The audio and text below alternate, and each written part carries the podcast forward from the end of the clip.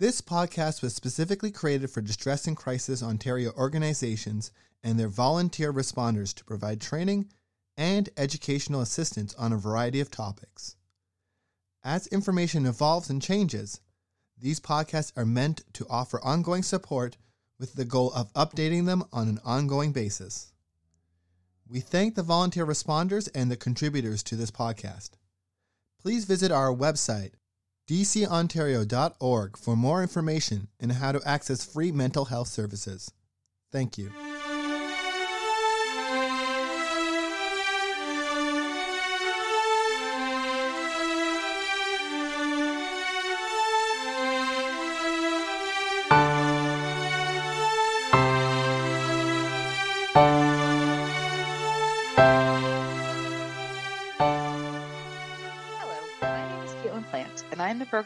At Distress and Crisis Ontario. Thank you for choosing to listen to our podcast.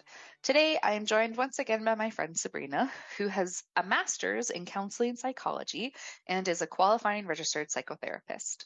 She's joining me today to talk about springtime, checking in with ourselves, and setting mindful intentions. So, Sabrina, thanks for joining me today.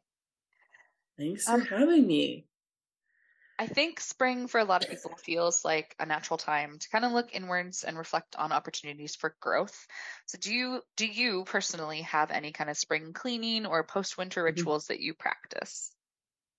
I do. I love a good purge and house clean. I think it really helps to reset your space. Um, ultimately, it really helps me to kind of reset my mind and um, in this process, I guess, kind of it resets my intentions. Um, usually seasonally, I like to kind of check in with myself and see where I'm meeting my own goals or where I'm maybe lagging and not moving forward. And instead of giving myself like really harsh judgment, um, trying to see why I might not be moving forward and where I'm not meeting my goals and what beliefs I have about myself that's kind of causing me to not move forward. Um, once I do this, I usually just reset those intentions and spend some time being present with them. And I'm not talking intentions like, you know, here's my goal, buy a house, lose a bunch of weight. I'm talking like, you know, give myself some more kindness or share some positivity with other people, go for a walk. Um, yeah. What about you?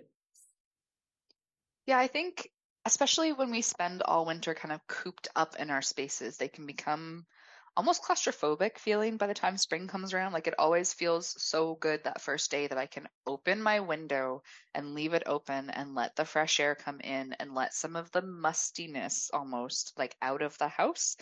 And yeah. I feel like that's the same as what I can kind of do for my brain and my emotions mm-hmm. in the springtime as well is just kind of take a deep breath, think about like maybe the winter, especially if you struggle with seasonal depression, was a really hard time. But hey, the sun is out now. We can clear out the cobwebs. We can take a deep breath and we can look forward to at least the next few months of more sunshine mm-hmm. and fresh air. And yeah, really hopefully prioritizing the ability to care for ourselves a little bit better. So yeah, for I sure. think I think I definitely relate to that. Mm-hmm. Um, and that kind of leads really nicely into our next question, which is how we can use this time of year as that opportunity to kind of check in with our emotions and maybe even practice new forms of self regulation if something that we notice about ourselves is that, yeah, we are feeling a little bit off and we're feeling like we're struggling and we're trying to find a way to, to work through things better. Yeah, for sure. So it's kind of huge, but checking in with your emotions has to be one of my favorite things. Obviously as a like as a therapist it's something that i spend a lot of time doing with other people. Um, but often we think that when we're feeling a feeling that we are the feeling and this just isn't true. So some emotions are intense and they feel like we're kind of being taken over by them. But acknowledging the feeling naming it you know let's say i'm crying or teary or just everything feels a little bit like a trigger to me my goal then is to say, okay, you know, I'm in a safe space. Um, I'm loved. Uh, I have value. You know, what is this feeling? And maybe it's sadness, disappointment, fear, anger. It doesn't really matter what it is, but whatever the emotion is, my goal is just to notice it and allow it to happen and ask myself what caused me to feel this emotion. You know, like what was the precipitating event that led to this um and the other thing too is that like when these big emotions come up part of the dysregulate dysregulation is that we lose connection to our bodies. And so we kind of need to regroup and give our body and mind body and mind that like a second to re-engage with each other. So something we can try to implement um, as this new season starts is just being aware. Notice how something makes you feel. Um, you know if you have allergies are you noticing that you're more frustrated? If you love sunshine are you feeling more happy um, if you're finishing your school term are you feeling more stressed? All of these things are happening and all of these emotions just being known and validated is a big component to self-regulation. And i think learning to how to feel in your body where you carry those emotions. So if you are feeling stressed out by the end of the term are you feeling that in hunched shoulders that you can very intentionally take a few minutes to relax? If you're feeling like yeah just a really strong emotion of any kind where physically in your body does that sit? Is it your stomach? Are you holding your tongue to the roof of your mouth? Do you have your jaw clenched? Mm-hmm. Like, are there mm-hmm. these actual muscle groups in your body that you can intentionally focus on to relax? And mm-hmm. as you relax the physical aspect, try to also let go of the emotional aspect. Mm-hmm. For sure. If there, yeah, if there's somebody listening to this podcast that's thinking, I have never done this before. I, I really don't mm. know what these people are talking about. How do I even check into myself, in with myself? How do I kind of practice this reflection and mindfulness? Like, what is self regulation? Like, do you mm-hmm. have any mm-hmm. tips for someone who might be new to this? Yeah, I guess it's a little bit of a long winded answer, but you know, mindfulness and self regulation, even for me as a therapist, is really hard um, because we live in a society where everything's really fast all the time. And, you know, we're not really encouraged to just sit down and hang out with our feelings. We're really encouraged, you know, when we're crying, someone gives us a Kleenex and that says to us, oh, I shouldn't be crying. Um, so there's all these implicit messages that are telling us, you know, don't feel those feelings. And sometimes, you know, making sure that I'm just showing up exactly where I am is really important. Sometimes I walk into a space and I've got, you know, 47 things going on in my brain and I feel stretched and like I can't focus or enjoy what's happening. And so for me to look and notice the things in the room, what does the space smell like, feel like? Is it cold, hot? Who's in the space? Do I feel safe? Um, all of these things just bring my attention to what's being experienced. Um, the other thing too is self regulation can be hard to learn um, because the idea and kind of social media has this idea, but you know, we're looking at all these really grandiose ideas like, okay, well, now I'm going to reset my life and, you know, work out six days a week and do all of these things when really you're not getting the reward when you start out at these huge ideas. You know, you have to start small. So when you're starting small, um, it's realistic. Sometimes I tell my clients their homework is, you know, every day for 30 seconds. And I mean 30 seconds. You know, just notice what's happening in your brain. It can be chaos, but just notice it, you know?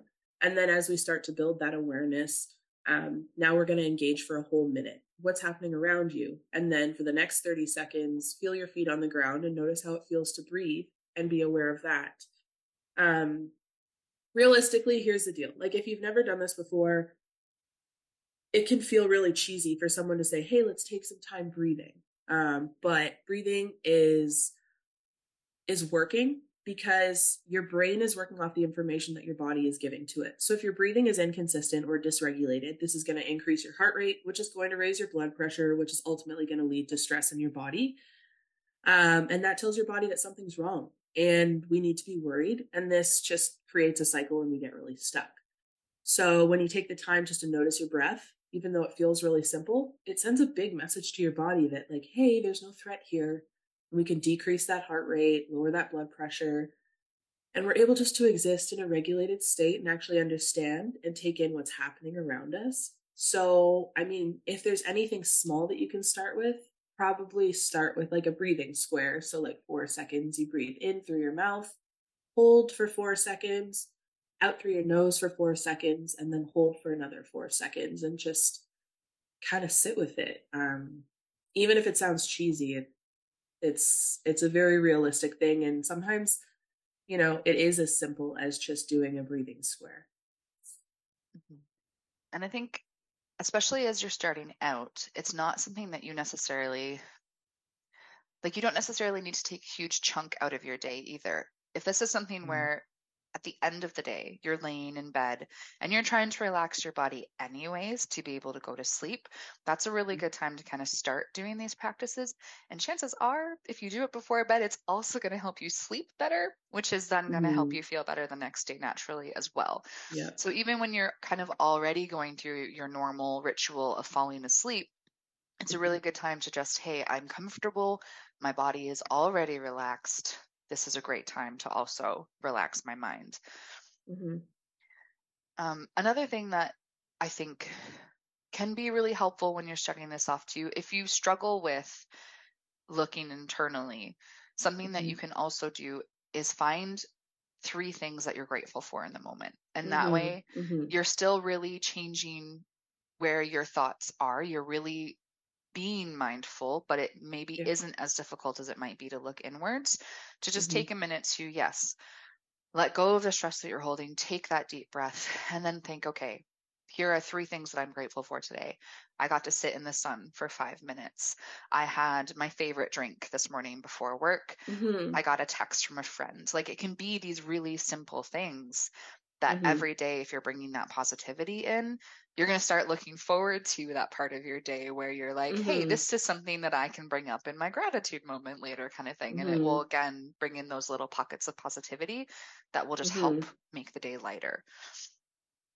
Yeah. Um, I think actually, just to add on to that, that's that's something called cognitive reframing, and it's really important because um, I think you know, with setting intentions and kind of getting to know ourselves and do self regulation, um, we think, oh, like when we're going inward, I have to spend time with this emotion and give it like you know the whole day, and that's that's not really uh, that's not going to be efficacious because it you're going to dysregulate dysregulate yourself even more by putting yourself in a stressed response. And so noticing it is not the same as sitting in it and and kind of wallowing in it. Noticing it is giving it space to say hey i see you i feel you kind of the same way you would as you know when a toddler is overwhelmed you'd be like oh man i see that you're really frustrated right now what could we do to kind of change that um, and it's as simple as that, you know, because there is a time and a place to process those emotions. And often it's actually not on our own when we're already in a dysregulated state. And so, um, yeah, doing those things that you mentioned, gratitude, and even just like, you know, let's say you're having a really terrible day um, and you want to stay regulated, writing down something great that's happened in the last 24 hours, even just like, hey, my best friend called me today um, and putting that on a little note and putting it in your pocket is you know not only this mental reminder but this physical reminder of like oh okay you know all these other things are kind of shady today but i'm okay and you know this was really great. So yeah.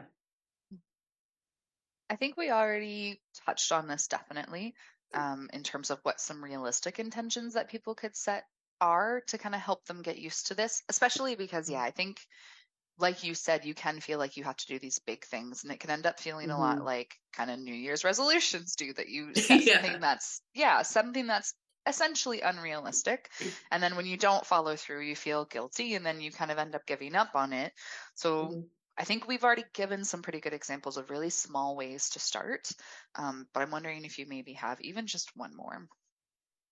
yeah for sure um Well, I think I think you're right. Like I'm not sure creating, you know, these these intentions is I think it has maybe a bad rap, you know, because we see intentions always on TV or social media or whatever, like, I'm gonna do this really big thing and this, you know, it, it doesn't have to be like that. And also actually we don't function that way. We can't start there. I think of, you know, building these intentions kind of like a workout uh, the first time you go and you know do some deadlifts, you don't come back from the gym and go, "Wow, I feel awesome." You usually come back and the next day you're like, "That was terrible. My body feels terrible." Um, but I know this is good for my body based off of evidence. I know that moving is good for my body because you know that's what evidence we have psychologically, medically, all of these things. Uh, similar is for the brain you know we have evidence to say that starting with a small goal actually reinforces that that um this cycle of this cycle of um reinforcement of being able to get to a place where you know you can feel good about yourself. You can feel rewarded and you can feel like oh i did a good thing. So starting with something like hey today i'm going to compliment myself when i wake up or today i'm going to you know have a snack that i like you know or i'm going to make an intentional meal with a vegetable. Those are very small intentions that seem you know small but that's a big step if for somebody who's never eaten a vegetable that's a big step. It's it's relative to where you're at. If you're already at deadlifting 300 pounds your goal isn't going to be deadlifting 300 pounds. Your goal is going to be to deadlift 305 same goes for these intentions you know if you're going to start for the first time eating a vegetable you're not going to start with eating all of them you're going to start with you know one piece of a vegetable that's kind of what we want to do with these intentions I think those are really good examples. Thank you. To kind of flip the script a little bit on what we've been talking about, how can we, if there's someone in our life who is starting this kind of, we'll say like mindfulness self growth journey, mm-hmm. if they are open about it and they say to us, Hey, I'm trying this new thing, like not sure how it's going to go or whatever, how can we support them in what they're trying to do? I think I mean you know this for me, but I and I think most people who know me know this, but um just be kind. Honestly, that's kind of my life motto. um I think that when you share kindness with somebody, like, you know, you notice your friend is doing well and you just let them know that you see them. Like, hey, I noticed that you're doing this thing and I'm super proud of you. Or, hey, I noticed that, you know, this week you didn't do this terribly toxic thing that you normally do. I'm super proud of you. You're doing a great job. That's a big deal. Even just, you know, calling them out on areas where you're like, hey, I see that you're doing this. That's awesome. Um, and just celebrating the people around you.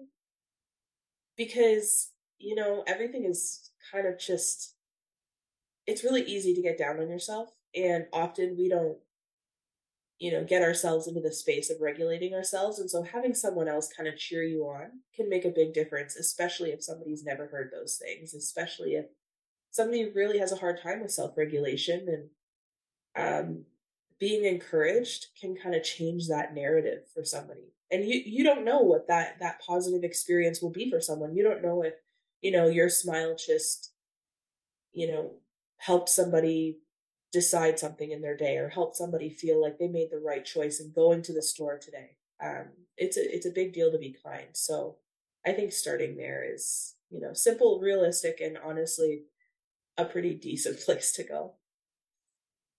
Yeah, I think that that is excellent. Thank you again for joining me today. Is there anything else that you'd like to add that we haven't already covered? Um, I don't think anything really. I mean, I guess just be aware that it's okay to need help with these things. It's okay to have to practice these things. Like you can't really do them wrong. You're just doing them and they just are. Um and honestly, you don't have to like them at first. You know, sometimes it's sometimes they suck. Sometimes when I'm angry, I just want to be angry and I just want to be mad and you know, I just want to sit in it and stew in it and it's okay to be like, "Oh, I have to do other things. I have to regulate myself." Um but you know, it's it's just okay to need help with it. It's okay to say to a friend, "Hey, I'm having a really hard time with this emotion. Can you please give me something positive about my day or can you please give me something positive about me?" I think we really hesitate asking for help from anyone because, you know, here we are, everybody's trying to do their best. Um but it can be it, it just doesn't have to be that hard just give yourself a break and just trust that like it's okay to need help with these things. I mean, I'll say it for myself. I still, you know, ask my friends for help. I still ask my family for help. Um, you know, I didn't become a therapist and then go, "Oh, good, I've got everything figured out." I have uh, you know, the more you know, the less you actually know. I have more information and actual less insight and you're only human, so give yourself a break. We're just doing our best. And yeah, just remember that everybody's going through their own thing. And like you said, kindness can be just the best thing that anybody can anybody can have. Hmm. So thank you again, Sabrina, for joining me. And thank you Yeah. for listening to today's episode. Um, if you do need support for anything and maybe you do feel a little bit isolated or alone in your life, so you don't feel like you have a friend that you can reach out to, ONTX and our member centers are here.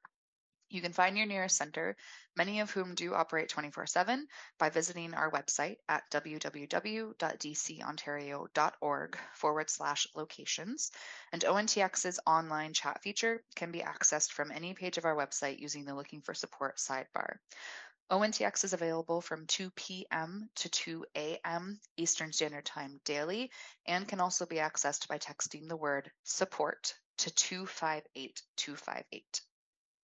If you have any feedback on this podcast or would like to request future content, please do use the link in the show notes to fill out our feedback form. We would love to hear from you. Thank you again for listening. I hope you are able to be kind to yourself and others this week and try to set some, yeah, helpful intentions. And I hope you will join us again next week.